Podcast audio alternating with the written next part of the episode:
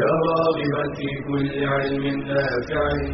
ينمو العلم ويتقدم. بتقنياته ومجالاته. ومعه نطور أدواتنا في تقديم العلم الشرعي. أكاديمية زاد. زاد أكاديمية ينبوعها. صاف. صاف ليروي غلة الظمآن وتعلم اللغة الفصيحة ورعاها بطريف أسلوب وحسن بيان. بشرى لنا زاد أكاديمية للعلم كالأزهار في البستان. بسم الله الرحمن الرحيم. الحمد لله رب العالمين ونصلي ونسلم على رسولنا الأمين عليه أفضل الصلاة وأتم التسليم. نسأل الله عز وجل أن يعلمنا ما ينفعنا وأن ينفعنا بما علمنا وأن ييسر لنا كل علم نافع.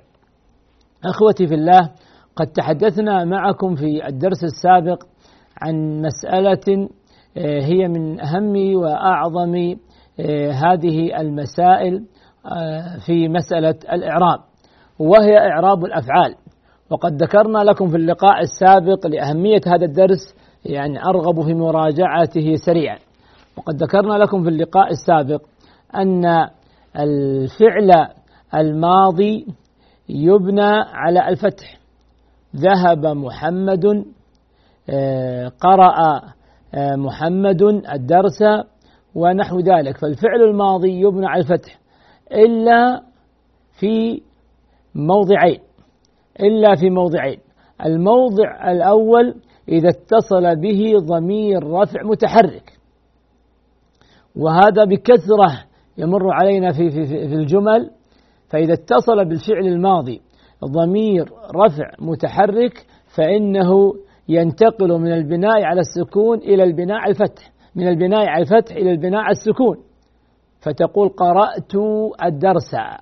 سابقا قرأ الدرس مبني على الفتح لكن الآن آخر الفعل الماضي السكون قرأت قرأت تقول فعل فعل ماض مبني على السكون لاتصاله بضمير رافع متحرك. وتحدثنا معكم في اللقاء السابق أن ضمير الرفع المتحرك لا يخلو من أن يكون تاء الفاعل أو ناء الفاعلين أو نون النسوة. فهذه الضمائر الثلاثة هي التي يطلق عليها ضمير رفع متحرك. متى ما اتصل بالفعل الماضي واحد من هذه الضمائر الثلاثة فإنه يبنى على السكون. قرأت. هذا تاء الفاعل. قرأنا. هذه نون النسوة قرأنا. هذا ناء الفاعل. تجد أن الفعل الماضي في هذه الأحوال عند اتصاله بضمير رفع متحرك فإنه ينتقل من البناء على الفتح إلى البناء على السكون. الحالة الثانية التي يخرج فيها الفعل الماضي عن البناء على السكون على الفتح أن يبنى على الضم. يخرج من البناء على الفتح إلى البناء على الضم وذلك إذا اتصل به واو الجماعة. فتقول قرأوا قرأوا آخر الفعل الماضي الضمة وذلك لأنه اتصل بواو الجماعة. فعند الإعراب تقول فعل ماض مبني على الضم لاتصاله بواو الجماعة. إذا الفعل الماضي يبنى في الأصل على ماذا؟ على الفتح ويخرج عن هذا الأصل في موضعين. الموضع الأول إذا اتصل به ضمير رفع متحرك فإنه يبنى على السكون. والموضع الثاني إذا اتصل به واو الجماعة فإنه يبنى على الضم. هذا ما يتعلق بالفعل الماضي. النوع الثاني من الأفعال فعل الأمر. فعل الأمر الأصل فيه أنه يبنى على السكون. اذهب. اقرأ. افهم. لكن يخرج عن هذا الأصل في في ثلاثة مواضع. الموضع الأول الموضع الأول إذا كان آخر الفعل حرف علة. إذا كان آخر الفعل حرف علة فإنه يبنى على حذف حرف العلة. يبنى على حذف حرف العلة. فمثلا يدعو محمد ربه. تقول ادعو ربك. ادعو ربك. عين وفوقها الضمة. عند الإعراب تقول فعل أمر مبني على حذف حرف العلة. أو مباشرة تقول فعل أمر مبني على حذف الواو. والضمة دليل آه، عليها. يعني على أن الواو هنا محذوفة. كذلك تقول اقضي في المسألة كسرة. اقضي في المسألة فعل أمر مبني على ماذا؟ على حذف حرف العلة. كذلك تقول صلي على رسول الله. صلي على رسول الله. تحت اللام كسرة. صلي على رسول الله. فإنه فعل أمر مبني على ماذا؟ على حذف الياء حذف حرف العلة. وهذا حدث ولا حرج. من الأخطاء الشائعة الآن. اللهم صلي بالياء. اللهم صلي والصواب. اللهم صلي وسلم. تحت اللام كسرة. أي تحت الشدة تكون آه، كسرة. لأن الفعل مبني على ماذا؟ على حذف على حذف حرف العلة. الموضع الثاني لخروج بناء فعل الأمر من السكون إلى حذف النون. إذا كان من أفعال خمسة. أو قل إذا اتصل بالفعل ألف اثنين أو واو جماعة أو ياء المخاطبة. فإنه هنا يبنى على حذف النون. تقول صليا اذهبا اذهبوا. صلوا. آه كذلك اذهبي صلي. شوف الخطأ هنا عندما نضع الياء هنا ياء مخاطبة. صلي بالياء ياء مخاطبة. فلا شك أن هذا خطأ يعني شنيع في وضعنا للياء. بالفعل صلي ونحن لا نخاطب آه، أنثى.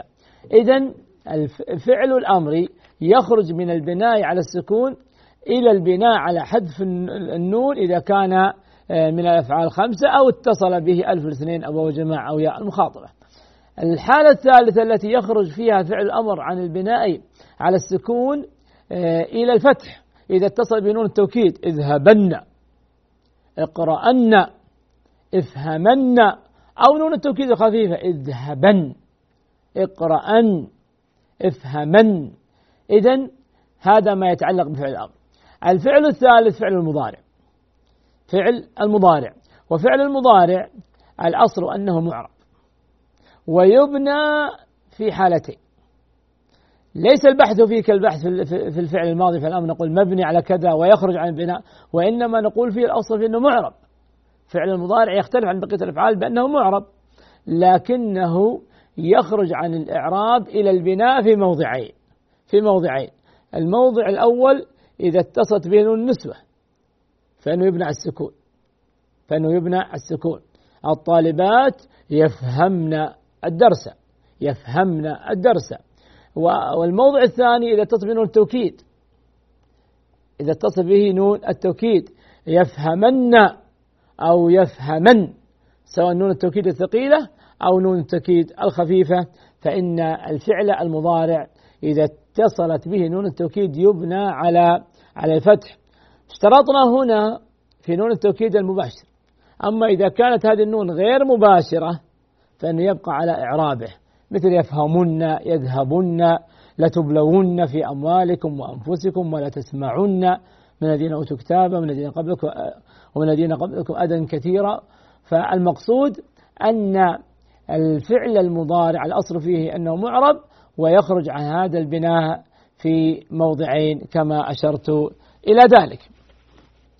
اليوم درسنا يا شباب عن الفعل الجامد والفعل المتصرف. أيها الإخوة أيتها الأخوات درسنا بإذن الله اليوم عن الفعل الجامد والفعل المتصرف. الفعل الجامد آه، هو الذي يلزم صورة واحدة. الفعل الجامد هو الذي يلزم صورة واحدة. الجمود في الأفعال كالبناء في الأسماء. فالاسم المبني هو الذي يلزم آه، صورة واحدة. ليس كالاسم المعرب. فالاسم المبني يلزم صورة واحدة. آه، ذا ذا ذا اسم الإشارة سواء في حال الرفع أو حال النصب أو حال الجر يكون يلزم آه، شكلا واحدا وصورة واحدة. كذلك الجمود في الفعل. الجمود في الفعل هو الذي يلزم صورة واحدة. مثل عسى ليس آه، هب نعمة بئس تعالى هذه أفعال جامدة تلزم صورة واحدة. تلزم صورة واحدة. أمر مثل هب أو تعال. وماضي مثل آه، عسى ونعمة وبئس. إذا هذه صورة الفعل الجامد. أما الفعل المتصرف هو الذي يأتي بأكثر من صورة. يأتي بأكثر آه، من صورة يعني يحصل فيه إيش؟ هذا التصرف. إما أن يأتي على الوجه الكامل فهذا يسمى تام التصرف. يعني يأتي على الأمر وعلى الماضي وعلى المضارع. أو أن يكون ناقص التصرف وهو الذي يأتي بصيغتي آه، الماضي والمضارع. الماضي والمضارع مثل كاد يكاد أوشك يوشك. تجد أنه يأتي بصيغة للماضي وبصيغة المضارع. ما زال وما يزال آه، ما انفك وما ينفك. إذا تجد أن هذه الأفعال ناقصة. لماذا؟ لأنها تأتي بصورتين فقط. صورة الماضي والمضارع ولا تأتي بصورة الأمر. آه، ذكر بعضهم أيضا آه، قد يكون الفعل ناقصا ويأتي بصورة المضارع والأمر. ومثلوا له بيدع ودع ويذر وذر المقصود أن الفعل الناقص هو الذي يأتي بناقص التصرف لا يأتي بتمام وكمال التصرف. النوع الثاني تام التصرف. وهو الذي يأتي بالصورة الثلاثة ماضي ومضارع وأمر وهذا كافة الأفعال. يعني أكثر الأفعال وغالب الأفعال وسائر الأفعال هو كذلك. فهم يفهم يفهم كتب يكتب أكتب ونحو ذلك. فهذه آه، في كافة الأفعال أنها تأتي آه، كاملة وتامة التصرف. من المباحث التي أيضا آه، نأخذها بسم الله في لقائنا اليوم ما يتعلق بتقسيم الفعل من حيث اللزوم والتعدي. من حيث اللزوم والتعدي. فينقسم الفعل من حيث آه، التعدي واللزوم إلى لازم ومتعدي. لازم ومتعدي. اللازم هو الذي لا ينصب مفعولا به. يعني لا يتعدى الفاعل. هو الذي لا يتعدى الفاعل وإنما يكتفي بمرفوعه. مثل قعد وجلس وكرم وسافر وذهب. هذه أفعال لازمة تكتفي بمرفوع بمرفوعها. تقول ذهب محمد قعد صالح جلس الطالب. فهذه أفعال لازمة تكتفي بمرفوعها ولا تتعدى مرفوعها إلى المنصوب يعني لا تتعدى الفاعل إلى المفعول به. آه، أما المتعدي هو الذي آه، ينصب آه، المفعول يعني يتعدى الفعل الفاعل إلى المفعول. يتعدى فيه الفعل إلى المفعول يعني يتعدى الفاعل. فيكون أثره لا يقتصر على الفاعل وإنما يتعدى إلى المفعول آه، به. هذا طبعا أنواع. منه ما يتعدى إلى مفعول واحد. منه ما يتعدى إلى مفعول واحد. ذكر عندكم هنا من الأمثلة سمع القول شرح الدرس. فلو أردنا أن نعرب هنا سمع القول. ما إعراب سمع القول؟ سمع فعل ماض مبني على الفتح. الفاعل أين الفاعل؟ ضمير مستتر. جوازا أو وجوبا؟ جوازا. لماذا؟ لأن آه، تقديره آه، هو. فإذا كان لضمير الغائب فإنه يكون جوازا وإذا كان لضمير المتحدث المتكلم أو المخاطب فإنه يكون وجوبا. فهنا نقول الفاعل ضمير مستتر جوازا تقديره هو. القول مفعول به منصوب وعلامة نصبه آه، الفتحة الظاهرة على آخره. علامة نصبه الفتحة الظاهرة على آخره. كذلك لو أردنا أن نعرب آه، شرح الدرس شرح الدرس. نقول شرح فعل ماض مبني على الفتح. أين الفاعل؟ كذلك ضمير مستتر جوازا تقديره هو. الدرس مفعول به منصوب وعلامة آه، نصبه الفتحة الظاهرة على آخره. آه، نقف عند هذا الموضع ونأخذ فاصلا يسيرا ثم نعود إليكم. جزاكم الله خيرا.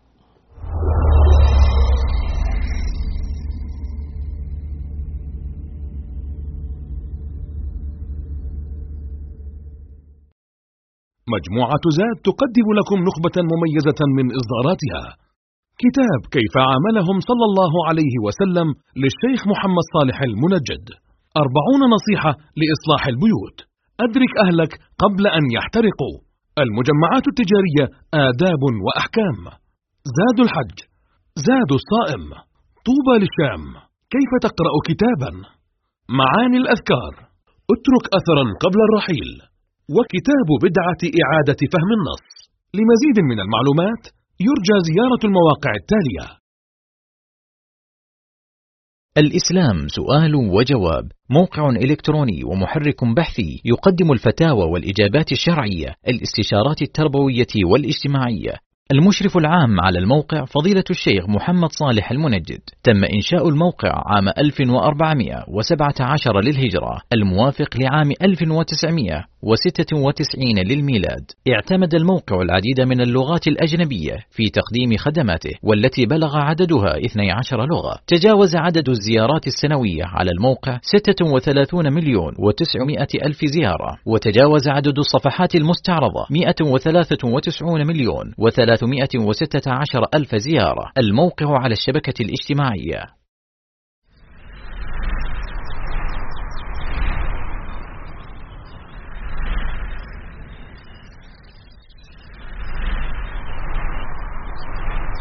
في بداية تعامل الأبناء مع الجو المدرسي تظهر أهمية اختيار الأصدقاء فالمرء على دين خليله فلينظر أحدكم من يخالل وليس من دور الوالد اختيار الصديق لولده بل عليه ترك المجال له في ذلك والذي يتوجب على الوالد فعله هو تعليمه أسس اختيار الصديق ومعايير الصديق الجيد ومهارات التواصل مع الآخرين بطريقة التوجيه المباشر أو من خلال القدوة الحية.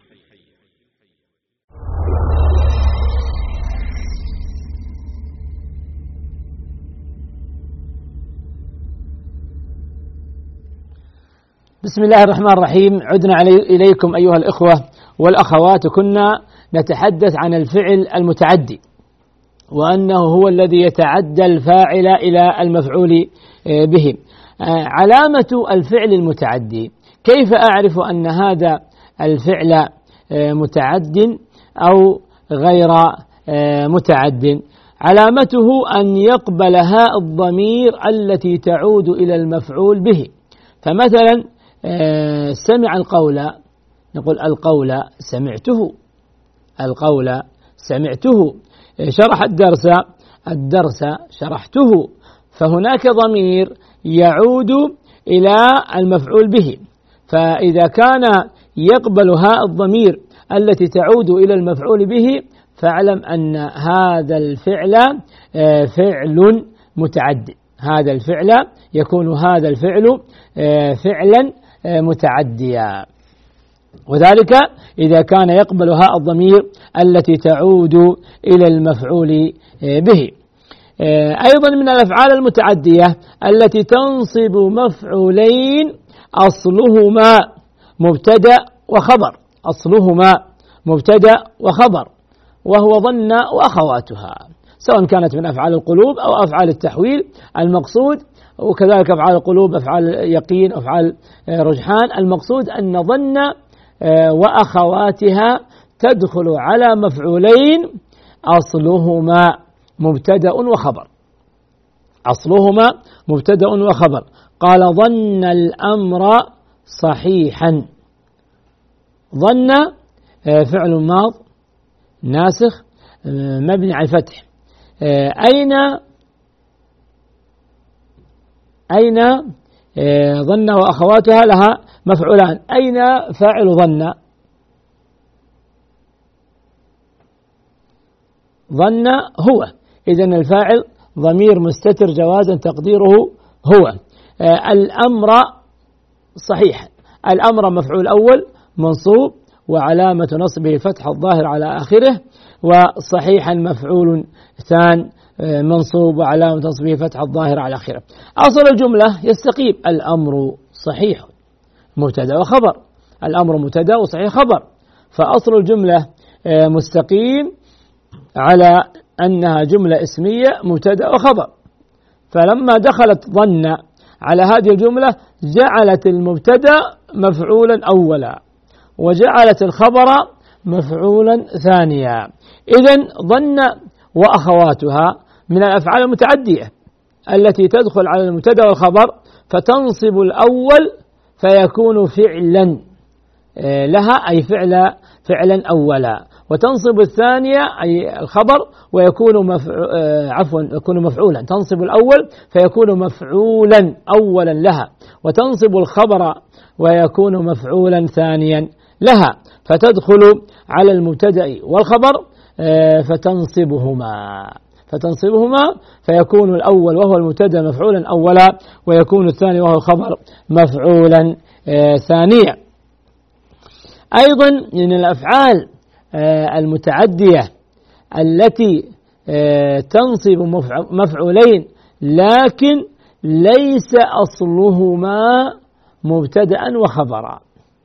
ليس أصلهما مبتدأ وخبرا وهو آه، سأل وكسى وأعطى وألبس وأعلم ونحو ذلك. فهذه تدخل على مفعولين آه، ليس أصلهما آه، مبتدأ وخبرا. ليس أصلهما مبتدأ وخبرا فتنصب الأول على أنه مفعول أول لها وتنصب الثاني على أنه مفعول ثاني لها. قال أعطى. صديقه كتابا. أعطى فعل ماض. مبني على الفتح المقدر. ليس فتحا ظاهرا لأن لأن آخر الفعل هنا ألف مقصورة. فيكون مبني على الفتح المقدر منع من ظهوره التعذر. منع من ظهوره التعذر. فالفتح هنا ليس ظاهرا. فالفتح هنا ليس ظاهرا وإنما فتح مقدر. لم ينتقل البناء هنا لم ينتقل البناء هنا إلى غيره يعني غير الفتح وإنما استمر البناء على الفتح لكنه فتح مقدر لكنه فتح مقدر وليس فتحا ظاهرا. وهذا الذي جعل الرأي الثاني الذي أشرنا إليه في لقاء سابق أن من النحاة من يبقى, من يبقي الفعل الماضي من يبقي الفعل الماضي على البناء الفتح. لكن إما فتح ظاهر أو فتح مقدم. حتى لو اتصل به هو جماعة أو اتصل به آه، ضمير رفع متحرك فإنه يبقي الإعراب على الفتح دائما. نحن عرفنا أن مثلا ذهبوا كيف نعربها؟ نقول فعل ماض مبني على الضم لاتصال به جماعة يعني خرج من البناء على الفتح إلى البناء على الضم. لكن الرأي الثاني ولا بأس من ذكره ومعرفته يقولون ذهبوا فعل ماض مبني على الفتح. استمر البناء على الفتح لكنه فتح مقدر. فعل ماض مبني على الفتح المقدر وهذا رأي ابن هشام يعني وهو إمام من أئمة النحو. نقول فعل ماضي فعل ماض مبني على الفتح المقدر. منع من ظهوره اتصال الفعل بوجمه يعني التعليل واحد. التعليل واحد في آه، كلا الإعرابين لكن آه، آه، علامة البناء وحركة البناء مختلفة بين الإعرابين. وإلا فإن تعليل الإعراب الأول أو تعليل وجه البناء الأول وتعليل الثاني هو الاتصال به وجماعة فالأول يقول مبني على الضم للاتصال به والجماعة والثاني يقول مبني على الفتح المقدر للاتصال به والجماعة فكلا آه، النوعين من البناء آه، تعليله واحد تعليله واحد لكن آه، الإعراب السهل والميسر. وكان شيخنا رحمه الله تعالى الشيخ محمد بن صالح بن عثيمين يسلك قاعدة جميلة في مسألة النحو والإعراب. يقول الأيسر هو الأرجح. الأيسر الأسهل هو الأرجح. فهنا نقول مبني على الضم. أيسر نقول مبني على الفتح المقدر يعني الإعراب الظاهر أولى من الإعراب المقدر. فعندما أجعل حركة البناء ظاهرة لا شك أن هذا أسهل من كوني أجعل حركة البناء مقدرة. ولهذا كان الأمر الذي يسير عليه رحمه الله رحمة واسعة هو آه، ترجيح الرأي الأيسر والأسهل.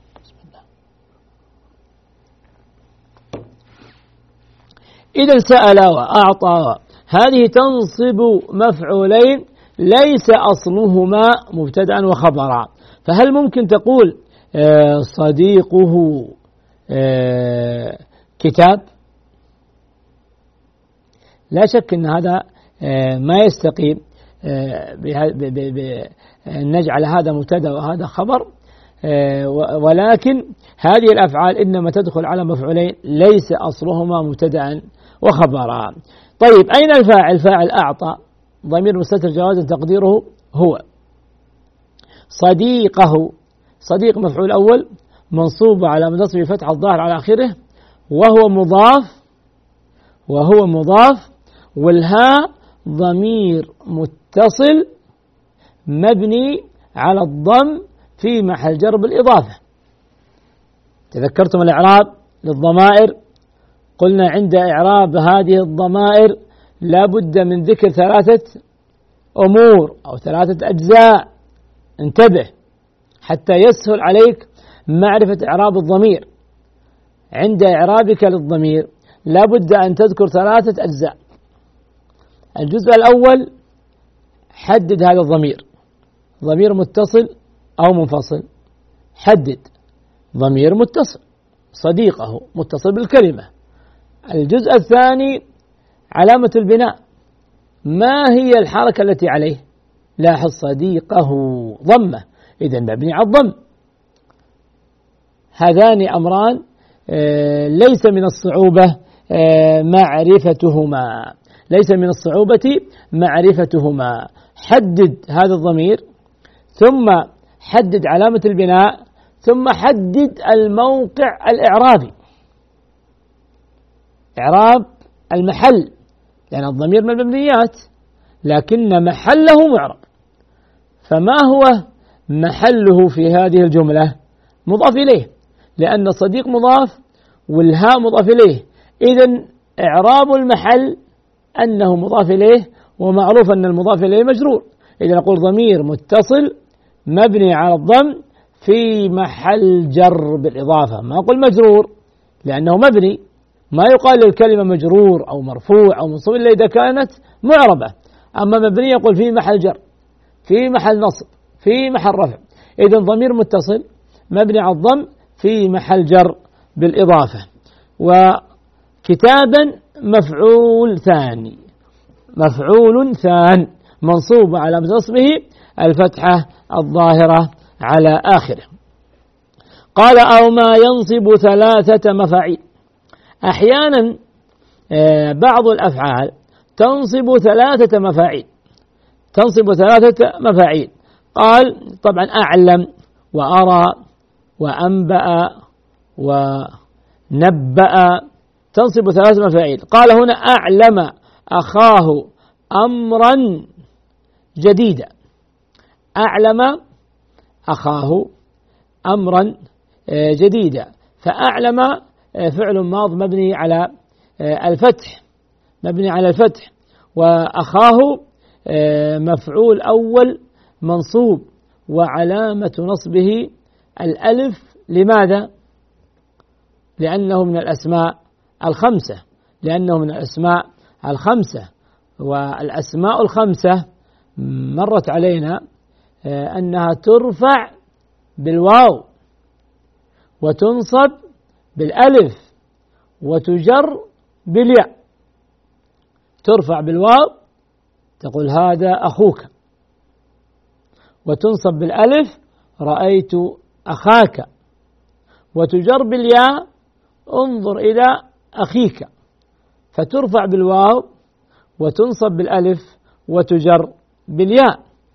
آه، ربما آه، سمعنا قصة تلك الفتاة الأعرابية التي بالسليقة لا تخطئ عندما قالت يا أبت أدرك فاها يا أبت غلبني فوها يا أبت ما لي طاقة بفيها. لاحظ الإعراب آه، يكون يجري على ألسنتهم عادة وجبلة والسليقة سليمة ولا يحصل الخطأ. يا أبتي أدرك فاها. هنا أدرك فاها مفعول به. منصوب وعلى نصبه الألف. ولهذا آه، نصبتها هذه الفتاة نصبت هذه الكلمة. يا أبتي غلبني فوها. غلبني غلب طبعا آه، فعل الماض والنون للوقاية. والياء ضمير متصل مبني على السكون في محل نصب مفعول به. غلبني. ضمير متصل كما عرفنا نحدد نوعية الضمير. علامة البناء مبني على السكون. عليه سكون غلبني. آه، الموقع الإعرابي آه، مفعول به. إذا في محل نصب. إذا ضمير متصل مبني على السكون في محل نصب مفعول آه، به. فوها هذا الفاعل. ولهذا مرفوع من رفعه الواو. كذلك ما لي طاقة بفيها الباء حرف جر وفيها اسم مجرور بالباء وعلامة جره الياء لأنه من الأفعال الخمسة. آه هذه السليقة العجيبة عند الفتاة آه نقف إن شاء الله معها قليلا بعد أخذ فاصل ونعود إليكم.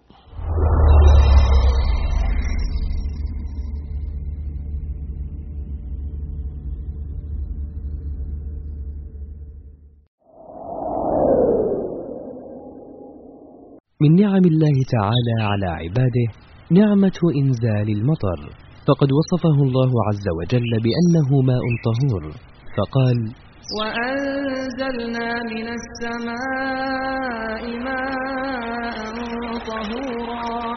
كما وصفه بأنه ماء مبارك في قوله تعالى ونزلنا من السماء ماء مباركا فأنبتنا به جنات وحب الحصيد.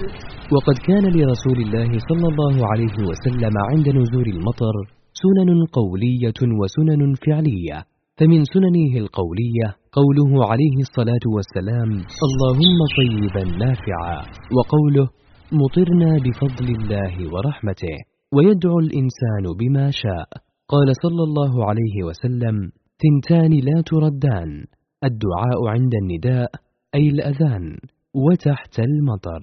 وكان عليه الصلاة والسلام إذا خشي ضرر المطر قال اللهم حوالينا ولا علينا. ومن سننه الفعلية أنه عليه الصلاة والسلام كان يكشف بعض بدنه ليصيبه المطر ويقول لأنه حديث عهد بربه.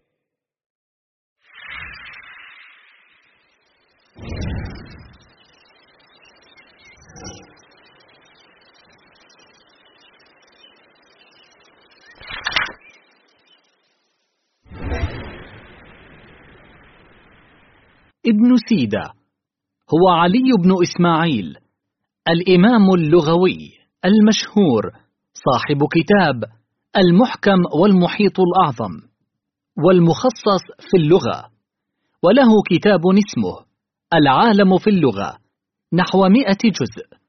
بدأ بالفلك وختم بالذرة كان يضرب بذكائه المثل وكان ضريرا. قال أبو عمر الطلمنكي دخلت مرسية فتشبث بي أهلها ليسمعوا مني غريب المصنف.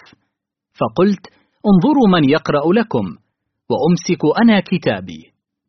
فأتوني بإنسان أعمى يعرف بابن سيدة فقرأه علي كله فعجبت من حفظه. توفي رحمه الله سنة ثمان وخمسين وأربعمائة من الهجرة.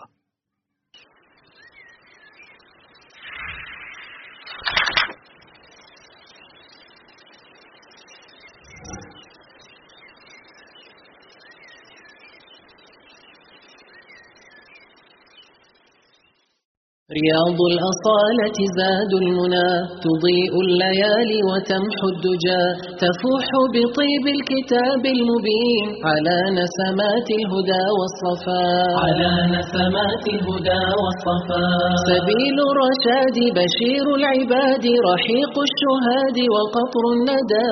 هي الزاد زاد العلا والدنا لزاد الحياة وزاد التقى. لزاد الحياة وزاد التقى. مشاعل خير تنير البلاد مناهل تروي أنين الجوى. إذا هزني الشوق نحو السنا قناتي يزاد رفيق السرى. قناتي يزاد رفيق السرى.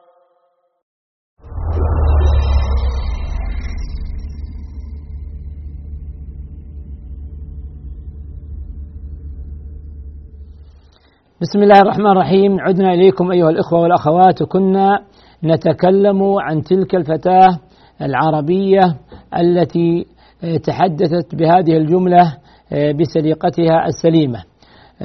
وما أحوجنا أن نراجع أنفسنا لكي نتعلم هذا النحو فيكون على ألسنتنا بإذن الله مثل هذه السليقة السليمة التي بإذن الله لا نخطئ أو يقل خطأنا أو يقل خطأنا. فهذا الأمر ليس صعبا وليس مستحيلا. وأنا في هذه الدروس بين فينة وأخرى أؤكد وأكرر دائما أن النحو سهل أن الإعراب يسير.